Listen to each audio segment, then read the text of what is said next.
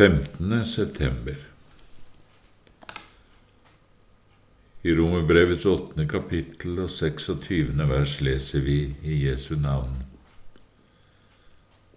På samme måte hjelper også Ånden oss i vår skrøpelighet.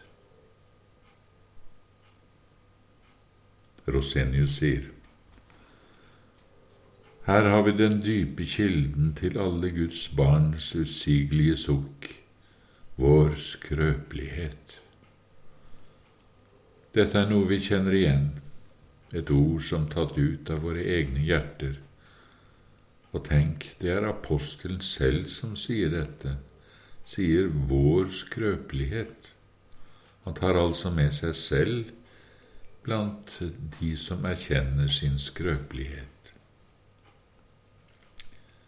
Ja, jo lenger vi lever under Åndens tukt, desto dypere kjenner vi vår skrøpelighet, så vi til sist erkjenner alt som er i meg, er bare skrøpelighet. Hva Gud er og virker i oss, er noe annet, men i oss selv er det bare skrøpelighet. Og det kjenner vi aller mest i alt som er mest dyrebart og kjært for oss, i det som har med vår åndelige forstand å gjøre i vår tro, vårt håp, vår kjærlighet, vårt kristne alvor, vår årvåkenhet, vår bønn osv. Vi kjenner den største skrøpelighet på alle disse områdene.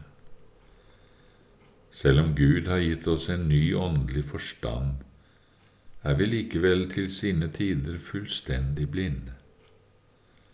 Vi ser ikke det mest åpenbare i Ordet.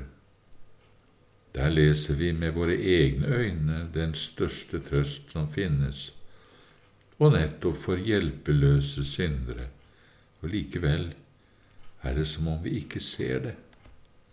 Vi ligner en mann som står rett framfor en vegg og likevel ikke ser veggen.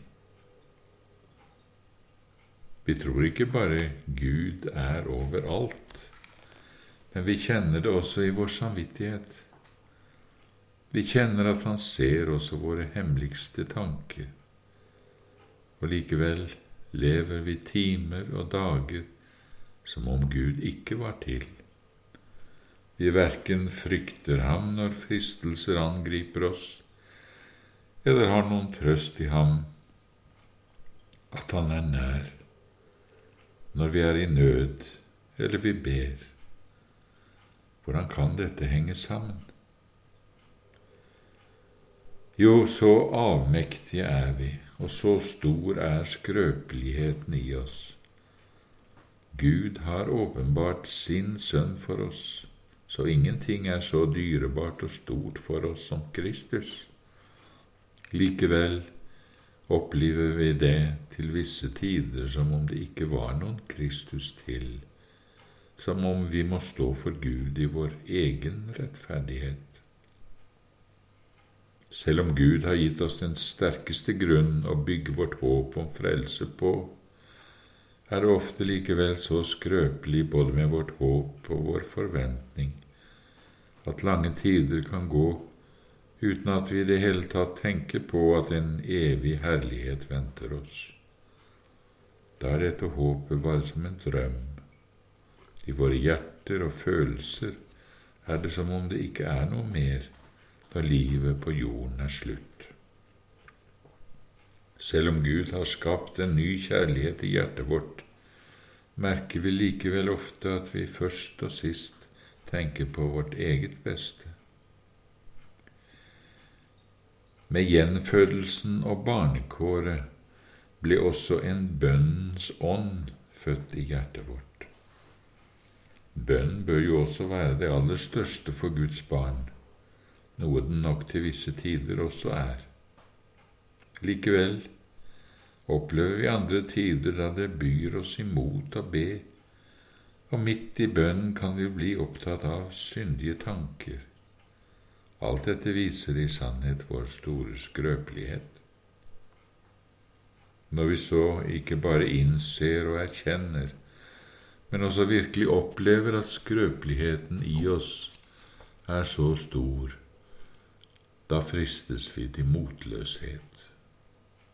Men da sier apostelen, bli ikke motløs. Vi har en som hjelper oss. Ånd hjelper oss i vår skrøpelighet. I samme vers bruker apostelen uttrykket Ånd selv så er dette den store hjelper, trøster, veileder og forsvarer. Vår, himmelske Far har, på grunn av Sønnens fullbrakte verk og forbønn, gitt Ånden i oppdrag å følge og vokte Hans barn hele deres liv her på jord. Selv med alt Gud har gitt oss i Sønnen, og med alle nådens midler og alt Åndens verk i hjertene våre, ville vi ikke komme lykkelig gjennom alle livets farer og vanskeligheter om ikke Ånden selv vokter oss, leder, trøster oss. Det er nok også det samme Kristus vil ha fram overfor sine disipler når han forbereder dem på sin bortgang. Akkurat da ser vi han ofte gjenta løftet om en annen talsmann. Han hadde også gitt dem de herligste løftene. Han hadde lovet dem at selv om han nå skulle forlate dem, skulle han ikke la dem bli igjen faderløse. De skulle også få se ham igjen og få en glede som ingen kunne ta fra dem.